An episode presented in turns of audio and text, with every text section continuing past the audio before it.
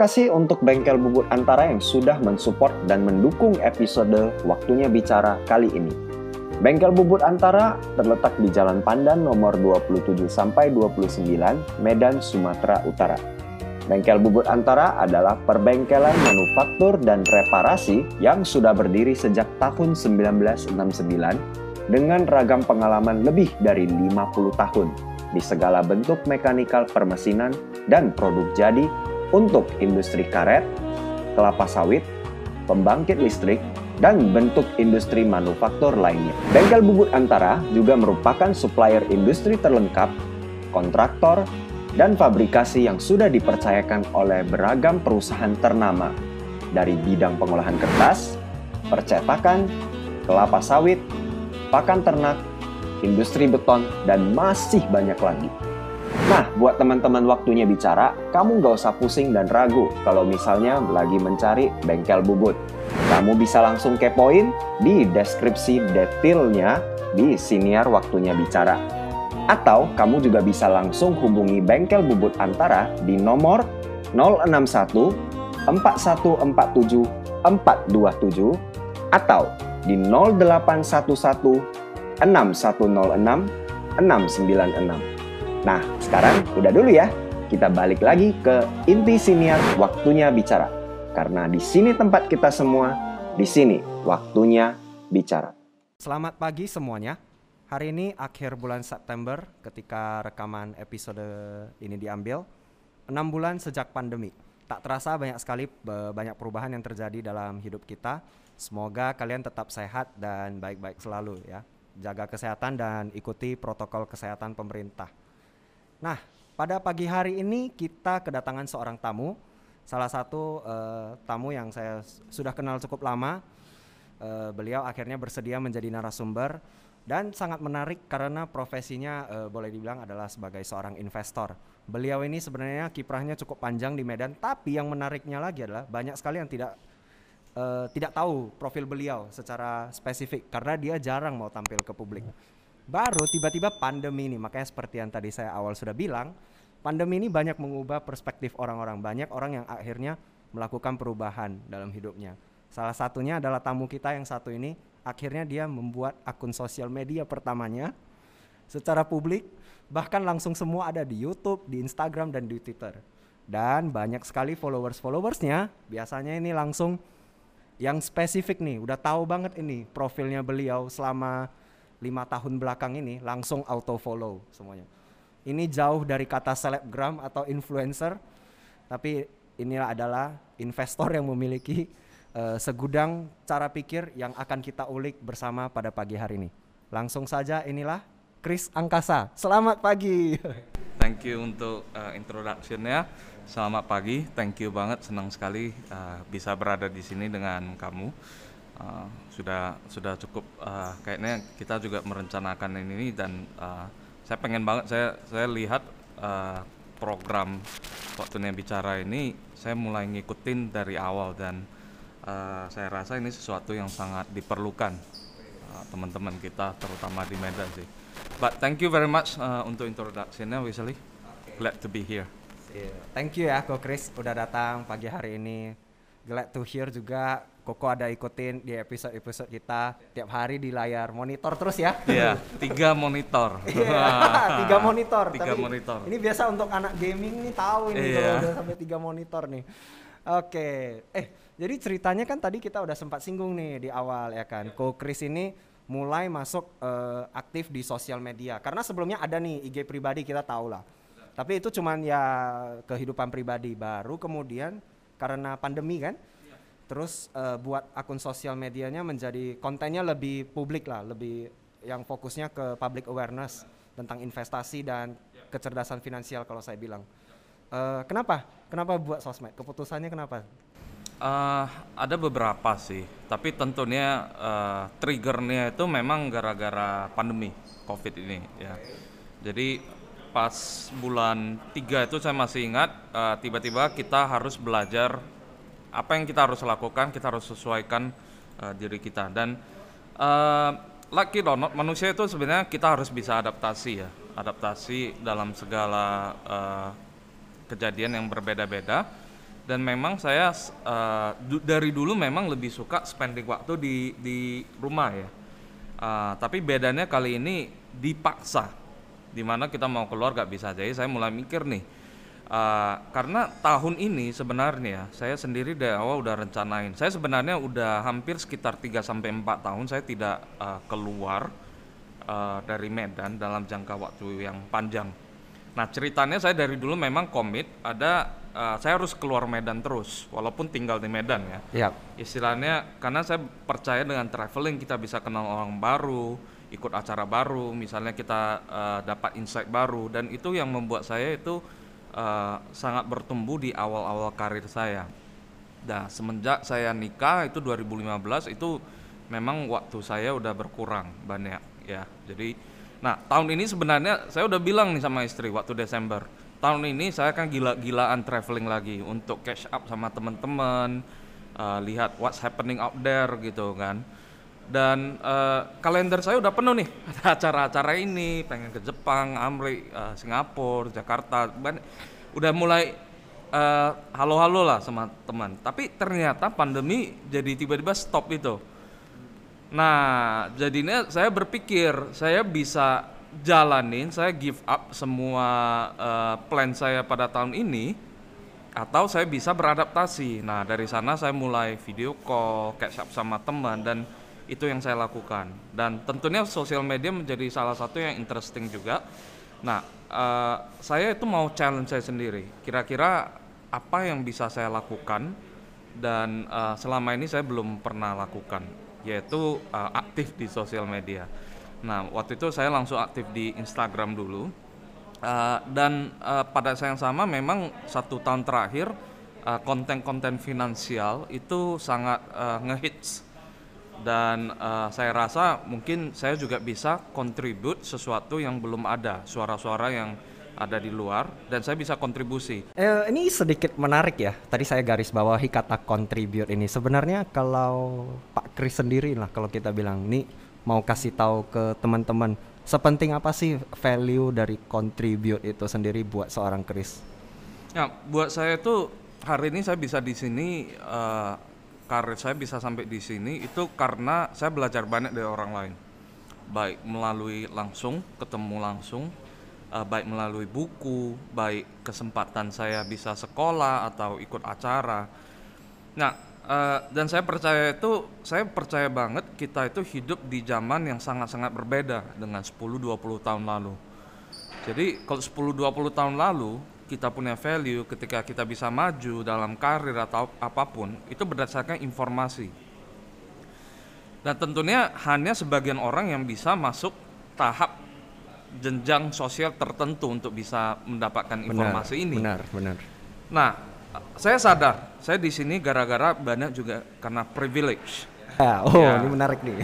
Jadi kalau ketika kita ada privilege, artinya apa? Kita hari ini bisa di sini, ya karena kerja keras kita, ya karena kita pintar, karena kita punya intelektual, tapi juga jangan lupa ada bagian yang namanya chance atau probabilitas.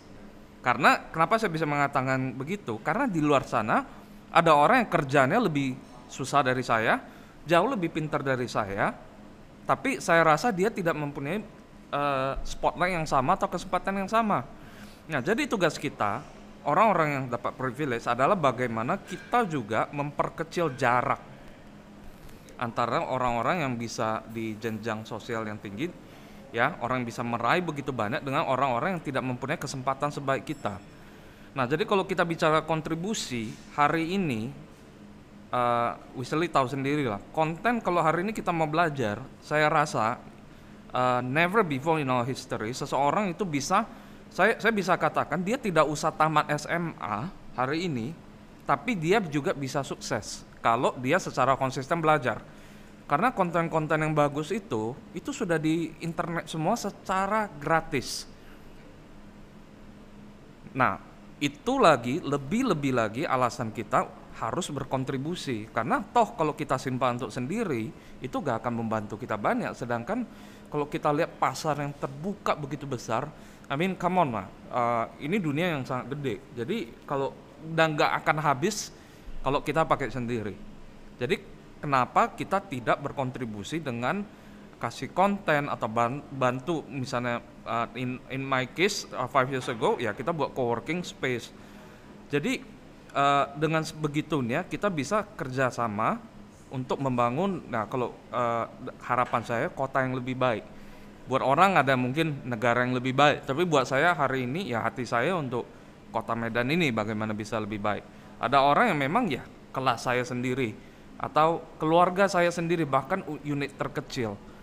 Jadi eh, saya rasa dengan mindset seperti itu kalau satu masyarakat bisa punya kes- eh, mindset seperti itu, saya rasa satu generasi aja kita akan jauh lebih baik daripada hari ini. Kemajuan sebuah kota lah kalau kita bilang kan memang sangat tergantung kepada orang-orang yang mempunyai privilege. Bagaimana orang-orang yang punya privilege ini mau menggunakan kesempatannya untuk berkontribusi. Karena memang harus diakui orang-orang yang misalnya kita bilang tidak punya privilege atau informasi yang lebih biasa didapatkan oleh orang-orang di eh, level privilege itu pasti mereka akan kesulitan untuk berkontribusi walaupun sudah bekerja keras dan segala macamnya. Jadi memang ini harus ada keterbukaan diri dan kemauan juga ya.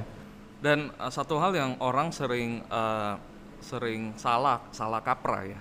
Mereka selalu berpikir yang privilege itu orang lain. Padahal kalau kita lihat pertanyaan privilege, semua orang ada privilege kok. Benar. Hari ini kalau Anda punya sebuah handphone, Anda bisa mendengarkan podcast ini, most likely Anda sudah punya privilege. Tapi Anda tidak pernah merasa Anda privilege karena Anda melihat ada orang lain yang lebih privilege akhirnya selalu ya udah biarin orang lain saja yang berkontribusi padahal itu sebuah mindset yang saya rasa ya uh, I think uh, saya rasa uh, society masyarakat kita akan lebih bagus kalau semua orang sadar hari ini kita bisa ada kita bisa di titik kita sekarang ya karena sesuatu yang sudah dibangun generasi sebelumnya kalau anda bisa tinggal di kota anda bisa punya pekerjaan ya itu sudah privilege Sebenarnya sudah privilege ya. Benar-benar. Ya. Itu juga yang selalu jadi perdebatan bahkan di sosial media sebulan terakhir ini, dua bulan terakhir ini tentang privilege. Tapi ya akhirnya dapat di satu titik kesimpulan memang ya semua orang punya privilege gitu. Seperti yang Pak Kris bilang tadi, kita di kota ya udah sebenarnya udah privilege kan gitu. Tinggal bagaimana kita eh, daripada mem- eh, berusaha memperdebatkan substansi siapa yang lebih privilege, lebih baik yuk deh kita kontribusi kan ke hal gini. Nah, kalau bicara kontribusi dan soal privilege tadi, apakah itu yang kemudian membawa Chris pilihannya di Medan eh, kemudian memilih jalan investasi sebagai investor? Apakah ada hubungannya? Nah, kalau misalnya investasi itu sesuatu memang passion saya berhubungan dengan keuangan dan uh, saya dari dulu peng suka banget itu dengar cerita cerita tentang perusahaan bagaimana dari kecil apa sih yang buat perusahaan bisa gede? Apa sih yang membedakan perusahaan yang well run dengan perusahaan yang manajemennya tidak bagus gitu? Nah itu dari dulu saya juga udah udah interest. Dan itu sebenarnya kalau hari ini saya tidak di Medan I will also pursue the same thing. Jadi eh, saya rasa itu dua hal yang berbeda. Nah, kalau misalnya bicara Medan ya memang karena sejak 2015 saya udah memutuskan dengan keluarga ya udah saya bakal stay di Medan. Dan kalau kita di Medan harus dong kita eh, kita mikirin. Nah, sama seperti kalau kita bertamu ke rumah orang. Ya, kalau kita bertamu ke rumah orang, kita harus pengen sesuatu yang terbaik untuk di mana rumah yang kita tinggalin. Ya, itu mindset sebuah tamu, mindset seorang yang istilahnya orang yang tinggal.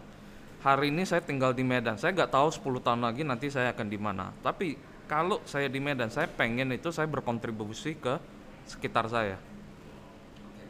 Dan mungkin eh, sesuatu sesuatu itu yang saya kontrib- kontribusikan eh, menghasilkan sesuatu yang saya tidak nikmati mungkin. Tapi untuk generasi depan is okay nah ini sesuatu yang eh, saya rasa sa- mindset yang sangat eh, eh, saya pegang sejak eh, sejak awal jadi istilahnya jangan nyusahin orang kalau bisa jadi berkat bagi orang-orang atau eh, kota di mana pun eh, kita ada Oke, ja- berarti kalau boleh dibilang ya dari jen- segala jenis banyak bentuk investasi ini termasuk investasi kategori investasi apa ini? Kalau yang mindset seperti ini kan kayaknya saya jarang dengar sih di, di publik itu. Saya rasa itu common sense juga ya. Mungkin tapi kata orang ada untuk beberapa orang itu common sense, kata orang nggak common sense juga. Eh, tapi saya rasa ya itu kalau kita memang eh, ya istilahnya kayak kita bertamu ke rumah orang, apalagi kalau misalnya uh, saya Anda Anda lihat orang yang misalnya uh, Airbnb ada dua jenis Airbnb yang tinggal. Satu yang begitulah ini kan hotel nanti ada yang bersihin. Akhirnya waktu dia check out semuanya berantakan semua. Ada juga mode Airbnb yang istilahnya oh ini kan orang sama seperti kita, kebetulan rumahnya disewain. Ya udahlah kita keluar kita nggak sampai bersih banget tapi paling sedikit ya jangan sampai berantakan kayak kapal pecah gitu loh. Oke, oke. Jadi saya rasa dari dua dua kasus itu bedanya cuma satu yang buat di bedanya mindset itu yaitu apakah seseorang itu melihat hostnya itu sebagai manusia seperti dia atau enggak. Yaitu kata kuncinya empati. Empati. empati. kalau kita punya empati ya kita kita akan berpikir kalau saya berantakin ya memang saya udah bayar untuk ini. Tapi ngapain sengaja diberantakin? Only because you have paid for it. Sering kan? Kalau kita kita bilang iya saya kan udah bayar. Hak saya dong. Ya hak kita. Tapi punya empati dikit dong gitu loh kan kan investasi ini bagian passion dari Chris sendiri. Nah, ngelihatnya itu membawa nilai empati ke dalam investment itu dalam keputusan-keputusan itu berpengaruh nggak gitu? berpengaruh. Pengaruhnya di mana adalah ketika eh, seseorang melihat investasi itu bukan practically diukur dengan uang atau angka eh, untung ruginya. Karena kita sadar, eh, kita harus sadarin bahwa di dalam dunia ini sesuatu yang bernilai, ini ya, sesuatu yang bernilai belum tentu punya harga. Oke? Sesuatu yang punya harga pasti ada nilai. Jadi jadi ini sesuatu yang eh, kita harus pelajari supaya kita jangan tergila-gila itu ngejar duit. Orang kita se- sering dengar kan, oh dia itu gila ngejar duit. Nah, kenapa gila ngejar duit? Karena buat seseorang itu duit itu atau nilai uang itu menjadi satu tujuan utama. Nah, masalahnya tidak semua itu bisa dinilai dengan eh, dengan nilai duit itu sama seperti kalau kita lihat ya pemain sepak bola. Ya pemain sepak bola kalau Anda mau menang, ya gol Anda harus lebih banyak. Tapi Anda coba tanya semua pemain bola yang hebat-hebat, dia itu bukan cuma ngejar golnya aja. Kenapa dia main? Karena dia happy. Itu satu kegiatan yang dia enjoy, dia ngerti dan dia ya enjoy aja. Cetak gol atau enggak ya itu is already part of the game. Tapi bukan berarti ya saya ngejar saya main bola hanya karena golnya doang. Walaupun memang the the rule of the game memang ya kalau lu golnya lebih banyak dari orang lain, Anda menang. Nah, sama seperti investasi juga. Nah, makanya kita butuh empati bukan saja sebagai investor ya, tapi sebagai pebisnis juga gitu. Karena sering sekali pebisnis juga uh, jatuh di perangkap yang sama, di mana kita mengukur sesuatu berdasarkan misalnya profit margin, misalnya berdasarkan ah kos kita seberapa rendah itu penting. Tapi ketika kita uh, kita melakukannya itu hanya berdasarkan angka itu, kita remove kita uh, remove elemen dari empati. Kita tidak sadar di dalamnya ada orang. Saya kasih contoh yang mungkin pendek aja. Nah, uh, saya papa saya pernah ngomong gini. Misalnya kita ada bisnis nih, misalnya restoran lah atau apa. Nah hari ini saya tanya, kalau misalnya restoran itu kita jalanin dan rugi, rugi misalnya kita udah tahu dua tahun ke depan pasti rugi misalnya 2 sampai 3 juta per bulan misalnya. Nah, kalau kita seorang pebisnis yang hitung-hitungan, apa yang kita lakukan? Kita tutup. Kita pasti hitung cost cost uh, uh, analisisnya, cost and benefitnya. Dan kalau memang rugi terus ya kita tutup. Nah, tapi ada kasus kalau kita punya empati, ada kasus di mana kita akan tetap buka. Nah, kapan kita lakukan itu? Ketika kita sadar, oh ternyata kita ada mempekerjakan 5 sampai 6 orang misalnya. Nah, kalau hari ini saya tutup, ya rugi saya berkurang mungkin 2 sampai 3 juta. Tapi masalahnya bagaimana dengan 5 6 orang itu yang dulunya bekerja bergantung dengan bisnis itu sebagai mata pencahariannya, sekarang tidak bisa. Nah, sadar atau enggak ketika kita berbisnis misalnya kita memperkerjakan 5 sampai 6 orang walaupun kita rugi ada 5 sampai 6 keluarga yang bisa makan. Nah, saya nggak bilang kita harus pentingkan itu, tapi masalahnya kenyataan fact, fakta itu apakah kita masukin ke dalam perhitungan kita. Nah, itu hanya bisa kita lakukan kalau kita punya empati. Karena kita menempatkan posisi kita, oh ternyata di orang-orang yang kerja sama kita, dia juga mempunyai kewajiban dan situasinya seperti itu. Dan tidak akan kelihatan di laporan keuangan. Jadi saya rasa itu sesuatu yang sangat, uh, uh, I think harus kita tanamkan sih bagaimana cara kita melihat bisnis bukan hanya dari angkanya doang. Oke, kita uh, ya bolehlah break sejenak lah sambil diminum dulu kopinya Pak Kris. Berat banget topiknya hari ini, capek juga saya. Yang nanya kamu loh. Nah, jadi bicara soal investor nih, tadi kita udah bilang bahkan sampai ada yang uh, value empathy juga yang dipegang oleh Chris. Jadi sebenarnya kalau bicara investasi ini kan uh, konsepnya ini kan lu awalnya passion. Siapa sih idola lu sebenarnya dan kenapa dia? Idola agak susah ya, tapi kalau uh, dipaksa ya uh, sebenarnya Charlie Munger sama Warren Buffett. Nah, kebanyakan orang lebih tahu Buffett daripada Munger, tapi buat saya itu uh, uh, Munger itu saya belajar jauh lebih banyak karena Buffett banyak ngomong tentang investasi, tapi uh, saya rasa Munger itu lebih balance dan dia itu kaitkan investasi dengan hidup sendiri. Nah, di dalam dunia investasi sebenarnya banyak cara atau aliran. Dan saya percaya dengan satu particular aliran yang namanya value investing. Buffett sama si Munger kenapa begitu powerful buat saya? Karena selain mereka jago, mereka juga menulis. Jadi mereka membagikannya. Istilahnya apa yang mereka pelajari, ya udah diceritain aja, dibagikan secara gratis. Jadi hari ini kalau Anda mau belajar, baca aja suratnya si Buffett selama 30 tahun. Wow, oke. Okay. Dan ini mem, ini yang memulai tradisi di mana kita sebagai value investor apa yang kita pelajari yang kita ajarin.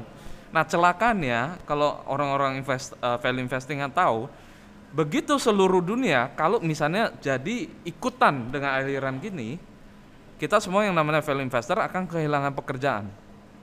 Dan itu yang memang ditanyakan kepada si Buffett dan Munger. Tapi mereka jawabnya cukup uh, interesting. Mereka bilang sampai dunia kiamat kalau kita ngajar terus pun gak akan bisa karena ada satu human nature yang tidak akan berubah yaitu natur manusia yang sering di uh, drive, sering dikendalikan oleh ketakutan dan ketamakan, kemauan untuk berjudi dan spekulasi. Jadi sampai dunia kiamat orang itu selalu naturnya akan selalu ya, sama. Karena adrenalinnya ada di iya. sana. Iya. Jadi hari ini kalau ditanya hari ini saya bagi ilmu gratis misalnya, ya gak apa-apa. Semua orang yang yang gagal di investasi biasanya tahu prinsip investasi yang baik itu seperti apa. Orang tahu tidak boleh judi misalnya, tapi ya berjudi juga. Sampai kiamat itu ya manusia tetap memang makhluk yang selalu mau ambil resiko dan itu gak salah ya. Itu yang gak salah. Jadi karena memang uh, kita punya society masyarakat kita bisa maju karena ada satu dua orang yang visioner dan mengambil resiko sesuatu yang dipikirkan tidak masuk akal. Nah, tapi kalau kita ngambil karakter seperti itu, kita uh, kita terapkan di investasi, ya kebanyakan itu tidak berakhir baik uh, dengan orang-orang seperti itu. Ya, ini ini sedikit menarik nih karena memang human nature-nya tadi kita bicara memang manusia punya tendensi itu. Itulah mungkin yang melahirkan kemudian dikenal dengan yang dipopuler di Indonesia investasi bodong ya. seperti beragam bentuk bahkan sampai, sampai hari masih ini ada dari ada. saya SD bener. sampai sekarang. Bener. Selalu ada. Iya, iya. Jadi memang ini ya sebuah dunia yang tidak akan pernah benar-benar musnah lah kalau kita bilang. Karena memang tendensi human nature-nya seperti itu ya kalau kita bilang. Oke, kita bicara deh sedikit uh, ke saham. Karena yang aku tahu kan sebagai seorang investor Chris kan lebih banyak uh, sharing juga di konten-konten YouTube terutama edukasinya spesifik ke uh, bentuk saham nih ya kan. Nah, biasanya kan ada dua tipe nih soal saham. Secara umum aja kita singgung sedikit. Ada yang jangka panjang dan bahkan ada yang disebut dengan trading atau dagang lah gitu kan. Nah, gimana sih supaya cara kita itu tahu sebenarnya kita ini lebih cocok atau pas itu masuk ke yang mana gitu? Karena ada sempat ada istilah oh saya mau trading tapi tradingnya kecelakaan jadi investor jangka panjang tuh biasanya ya mungkin saya saya take a step back dulu uh, take a step back saya define ini sesuatu yang saya pinjam dari uh, Benjamin Graham di dalam bukunya Intelligent Investor uh, prinsip pertama itu ada ada dua perspektif yang berbeda ketika seseorang melihat saham atau instrumen finansial lainnya. Satu, kalau investor melihat saham itu sebagai kepemilikan dalam satu perusahaan. Misalnya kita beli beli satu saham, saya kita punya satu persen nih, mi- misalnya dari sebuah bank misalnya. Nah artinya kita mendapatkan bagian ekonomi atau profit, ya.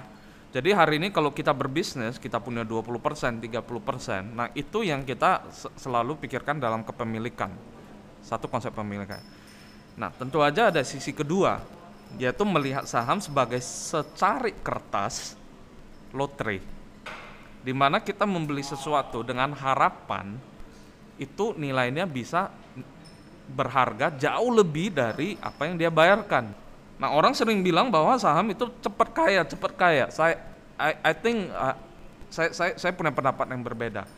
Investasi saham adalah salah satu cara yang paling susah untuk kaya. Kalau Anda nggak percaya, Anda lihat jajaran orang terkaya di Amerika, jajaran orang terkaya di Indonesia. Anda lihat yang lebih kaya itu mana? Yaitu orang-orang yang berbisnis. Orang-orang yang berbisnis dulu, kemudian dia menggunakan pasar modal untuk multiply apa yang dia kerjakan dan kemudian dia kaya. Bukan awalnya main saham. Mungkin yang di Indonesia yang paling terkenal itu juga eh, eh, Pak Lokeng Hong ya. Saya nggak tahu eh, network seperti apa, tapi ya Anda lihat jajaran orang terkaya di eh, di dunia, Indonesia atau Amerika sangat jarang sekali eh, kalau orang itu dari awal memang selal- eh, secara full time main saham. Nah, saya akan argue trading itu masuk ke kategori spekulasi yang banyak. Kenapa? Karena gini, di trading itu Anda komponennya apa? Capital. Waktu ada nggak? Enggak.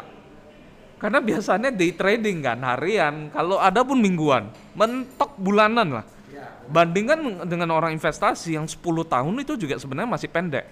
Saya nggak pernah lihat orang yang trading secara konsisten selama 10 tahun. Sampai sekarang saya belum kenal. Kebanyakan ya tahun kedua, ketiga udah capek atau eh, gara-gara rugi terus ya udah gak main lagi. Kan? Nah, jadi ada faktor ketiga resiko. Waktu eh sorry capital, Capital, waktu, waktu, resiko. resiko. Masalahnya tidak ada waktu. Pendek pula. Akhirnya ada dua kemungkinan aja. Antara capital Anda harus dinaikin. Masalahnya kalau capital Anda dinaikin, kalau Anda memang nggak punya capital, biasa yang namanya leverage.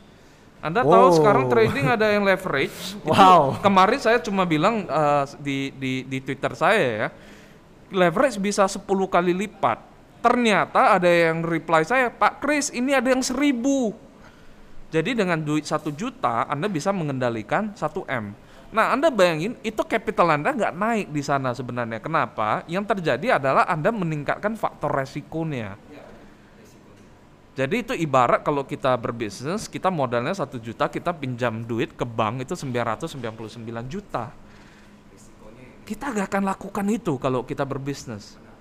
Nah, jadi hari ini kalau misalnya Anda tanya saya, lebih bagus mana? Ya terkan, tergantung. Kalau misalnya anak Anda anak sultan, duit Anda banyak ya silakan trading. Karena Anda bisa bawa eh, ngambil resiko yang eh, lebih tinggi. Tapi ngapain kita kita maksain kalau kita punya waktu. Nah, jang- makanya saya sering bilang jangan membandingkan diri kita dengan orang lain yang lebih kaya, lebih sukses dan lebih pengalaman. Toh dia udah umur 50 60 tahun. Kita nggak tahu resiko yang dia ambil dan berapa lama waktu yang dia ambil untuk mencapai titik di mana dia berada. Mungkin ini eh, perspektifnya nih sedikit menarik ya. Eh, soal waktu ini, karena mungkin kita sering disuguhkan dengan yang namanya instan kan. Ya. Dan bagaimana sosial media juga akhir-akhir ini, kalau dibicara berkaitan dengan bentuk investasi yang seperti investasi bodong, itu semuanya punya kesamaannya yaitu cepat kaya, mempersingkat waktu untuk dengan capital tapi menutup ini penjelasan soal risiko yang tinggi tadi gitu. Akhirnya semuanya terjebak di sana karena semuanya orang terbiasa ingin cepat kaya itu juga human nature kan mungkin. Nah, bagaimana kalau Pak Kris sendiri ngelihat eh, konsep-konsep seperti ini yang terjadi di masyarakat dengan pemahaman yang selama ini Pak Kris belajar? Nah, jadi kalau misalnya eh, yang namanya pengen cepat kaya itu itu penyakit yang nggak ada obatnya sebenarnya. Jadi kalau hari ini banyak investor investasi bodong, banyak misalnya investor yang kena, eh, saya bukannya nggak punya empati ya, Tapi saya rasa sebagian besar dari mereka ya memang ya itu yang harus didapatkan kalau kita mau cepat kaya. Istilahnya gini lah. Kalau kita mau cepat, kita lagi ngemudi nih, ngemudi dari sini ke nggak tahu lah misalnya Kaban Jahe ke ke tempat teman kita itu, kan? Kalau anda mau cepat nyampe, anda pasti pakai mobil, bener kan? Nggak pakai sepeda. Nah itu pemilihan aset kelas. Nah kemudian kalau anda nggak punya waktu, anda sekarang mau ke sana satu jam, kagak mungkin kan? Kalau anda pakai mobil, masalahnya kalau anda pakai sepeda, secepat apa pun anda kayu, ya resikonya apa? Anda mati, kecapekan, Ya, benar kan? Benar. Nah masalahnya di masyarakat ada orang yang punya mobil. Nah mobil itu sebenarnya kalau di sini ke Brasagi palingnya bisa 40 km per jam.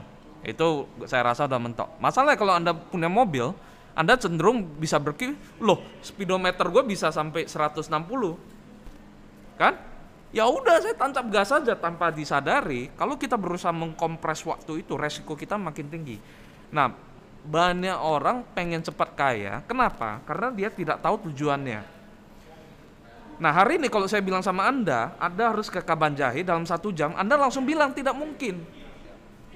Karena Anda tahu Kabanjahe di mana, jaraknya seperti apa.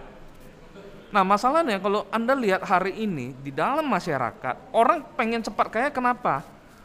Karena dia tidak tahu dia mau ke mana. Nah lu mau cepat kaya pertanyaannya sekarang, sekaya apa? Banyak orang gak bisa jawab. Kalau hari ini saya bilang sama Wisely, Anda hari ini pakai sep- eh, 10 juta bisa jadi 10 M. Ada ada Anda tujuannya pasti. Gitu. Anda ada tujuan tujuannya. pasti, Anda pasti bilang nggak mungkin. Nggak mungkin. Mm-mm. 10 M jadi eh 10 juta dari 10 M itu 1000 dalam setahun. Anda bisa tahu ini nggak mungkin. Nah, itu itu biasanya yang yang biasanya mereka buat investasi bodong yang tidak se segamblang itu. Biasanya mereka bilang 10 juta jadi 30 juta dalam waktu enam bulan. Nah, kalau misalnya seperti itu, faktornya 2 sampai 3 kali orang masih ini kayak apa ya? Jauh atau deket ya?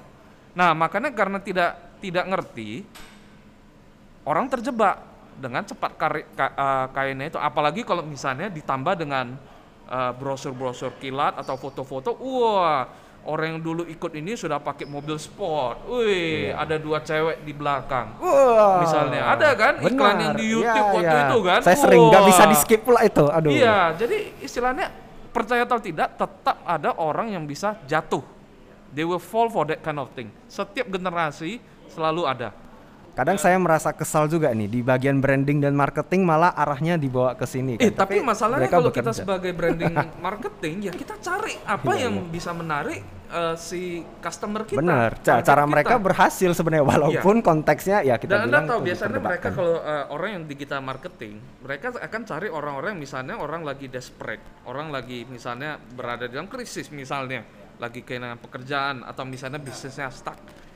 Kemudian dimasukin ini pas lah, karena mereka berpikir inilah obat untuk saya yang bisa menyelesaikan, yang beri- memberikan solusi buat saya. itu kenapa kenapa eh, pas pandemi ini saya merasa tiba-tiba banyak sekali muncul bentuk-bentuk investasi ini. Makanya saya rasa penting sekali untuk dibicarakan tapi saya kesulitan nemu narasumber yang bisa berusaha objektif kan.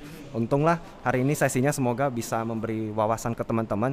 Karena memang kalau saya sendiri melihatnya sedih loh orang udah lagi susah-susah lagi ngemat kejebak dengan yang beginian hancur loh itu semua hilang semua. Tapi ya sekali lagi kita nggak bisa menolong semua orang, makanya kita bisa membantu dengan counteract, membalance uh, dengan konten-konten yang kita rasa lebih oke. Tapi balik lagi, uh, saya juga mau ingatkan jangan juga kita jatuh ke sisi lain, misalnya di mana kita curiga, semuanya kita curiga, skeptik iya. Tapi uh, we have to be kind for people karena orang-orang lain di sana bahkan orang-orang misalnya jual produk atau misalnya ngajakin investasi yang nggak jelas ini ya juga sebenarnya mereka kerja ya cuma kesalahan mereka adalah mereka tidak ngerti produknya Oke. Jadi kalau misalnya bicara ke lebih ke anak muda nih, terutama yang 20-an, yang punya waktu panjang. Tapi misalnya capitalnya biasa aja kita bilang yang normal deh bisa kerja kantoran sebenarnya waktu yang terbaik untuk mereka ini untuk mulai mengerti investasi terutama saham misalnya itu kapan sebenarnya Nah, kalau investasi itu buat saya itu uh, sesuatu yang namanya excess, yang lebih excess return dari uh, dari kemampuan anda untuk menghasilkan uh, capital. Nah, anda uh, excess return itu seperti apa? Hari ini misalnya nih, kita punya uh, biaya hidup sebulan misalnya 3 juta, net semua misalnya. Kemudian gaji kita 5 juta. Nah, kita punya excess 2 juta kan Nah 2 juta itu baru bisa diinvestasikan. Kalau kita nggak punya hari ini kalau gaji kita 3 juta, pengeluaran 4 juta apa yang mau diinvestasikan? Bener kan? Jadi step pertama itu sebenarnya kita kunci dulu lifestyle kita. Kita harus ngerti pengeluaran kita sendiri dulu. Nah begitu kita kunci, kita biasa lifestyle itu sebenarnya kalau uh, biar orang punya lifestyle kalau kita jaga itu gak usah naik. Apa yang kita happy hari ini ya ngapain kita upgrade? Sebenarnya itu pilihan. Nah, tapi kalau kita bicara anak muda uh, dalam karirnya 20 sampai 30 tahun atau bahkan sampai 40 tahun itu gajinya pasti naik. Kalau orangnya juga uh, assuming orangnya belajar terus, ya berkembang, tumbuh terus ya. Jadi uh, on average mereka punya earning power ya pasti naik. Nah, kalau kita kunci lifestyle kita, akses kita kan semakin gede Nah, jadi sebenarnya step pertama kunci dulu lifestyle. Nah, step kedua kita nabung dulu. Punya prinsip nabung dulu sebelum masuk saham. Sebelum masuk saham nabung ya. dulu ya. Tapi ya. ini beda ya sama ya. investor full time. Karena buat saya investasi itu pekerjaan saya. Buat kebanyakan orang orang itu investasi ya udah tutup mata satu tahun kemudian. Jadi dia orang punya kerjaan sendiri.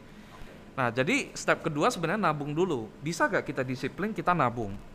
Dan itu kedengarannya common sense ya so straightforward ini diajaran diajarin orang tua kita dari kecil tapi percaya atau tidak hari ini kalau orang disuruh nabung susah banget nah begitu kita bisa nabung nih sekarang kita mikir dulu buat kebanyakan orang ini ya ini saya langsung kasih tips and triknya ada dua prinsip finansial ini sebelum masuk saham yang akan mengubah hidup anda secara major dan dua ini. Jadi kalau Anda bisa salah di saham dan uh, aset kelas yang lain, misalnya Anda seumur hidup invest saja di deposito misalnya. Tapi kalau ini dua, ini benar, ini akan membantu banget. Ya. Satu itu apa? Pernikahan Anda. Ya, banyak yang ketawa ini. Tapi Anda Anda bayangin, kalau Anda punya lifestyle yang sangat murah, ketemu nih pasangan yang sultan gaya hidupnya itu akan hancur. Atau misalnya Anda menikah dengan orang yang salah, tahun kelima misalnya, amit-amit, berpisah. It will bring a financial ruin. Bukan saja, kenapa saya bilang financial ruin? Karena kalau misalnya berpisah, itu itu parah banget. Bukan saja emosional kena, tapi finansial itu kena. Biasanya orang nggak bicara finansial, kenapa? Emosionalnya aja udah cukup hancur Riba, lah. Apalagi apalagi finansial. Benar, tapi benar. secara finansial itu hancur banget. Jadi ini keputusan yang buat saya itu sangat sangat sangat penting. Ya, kedengarannya cukup tapi itu ada secara data itu bisa di quantify. Di Indonesia ya, Anda percaya gak? Satu di antara lima pernikahan itu gagal. Oh, rate-nya sampai segitu rate-nya, ya? tahun tiga tahun terakhir rate okay. itu naik terus. Saya nggak tahu kenapa. Faktornya kita nggak bicarakan ya, lah. Jadi tapi satu ada di antara ya. lima. Hmm. Anda okay. bayangin ini sebuah rate itu seperti kita invest di produk satu di antara lima Anda pasti gagal. Ya memang 80% berhasil, tapi masalahnya kalau di produk investasi Anda nggak taruh semua ya, di benar. satu. Di pernikahan Anda masukin semua masukin all in semua. loh. Ya, ya. Dan Anda nggak mau jadiin 20%. Nah, caranya gimana supaya bisa berhasil? Saya bukan ahlinya. saya cuma ya. bisa bilang, hati-hati. Nanti mungkin ada narasumber lain yang bisa oh, ya. bicara ada, bagaimana bisa cara milih. Di episode sebelumnya ya. dicari. Okay. Nah, yang kedua, adalah pemilihan rumah. Oke, pemilihan rumah. Pertanyaan apakah beli rumah atau sewa? Banyak orang ber, selalu berpikir beli, beli, beli. Belum tentu. Tergantung kapan itu mungkin nanti ada sumber lain yang bisa bicara tentang rumah. Oke. Okay. Ya. Ada orang yang belum siap beli rumah. banyak orang yang berpikir ayo secepat mungkin belum tentu kalau belum kalau belum nyampe ya jangan dulu kedua di dalam pemilihan rumah itu gue bisa afford berapa sih rumah berapa hari ini orang langsung wah standarnya gue pengen rumah satu setengah m belum tentu kalau misalnya anda bisa afford rumah yang 300 juta aja atau 200 juta aja ya memang sebisa mungkin kalau bisa kita dapat rumah yang lebih bagus. Tapi kalau misalnya income kita belum sampai dan kita ngambil rumah yang terlalu tinggi wah itu nanti kita akan di drain drain banget. Kita setiap bulan harus bayar cicilan rumah. Jadi eh, itu satu keputusan yang nanti ketarik 15 tahun ke depan. Iya. Bayangin ya 15 tahun. 15 benar, tahun. benar. Jadi satu keputusan yang salah, Anda mau reverse itu itu very very expensive. Nah, kalau itu udah, udah selesai, eksesnya apa? Kita masukin ke saham. Nah, kapan waktu yang bagus untuk saham? Hari ini. Sebenarnya waktu yang paling bagus kemarin. Nah, Indonesia diprediksi akan grow terus ke depannya.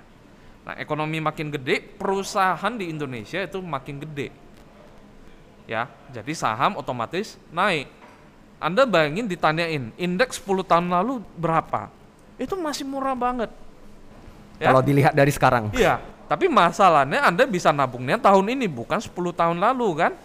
Nah makanya sebenarnya tahun ini tahun depan bakal turun nggak? Saya nggak tahu. Ya tahun depan ya invest lagi. Kalau turun invest lebih banyak.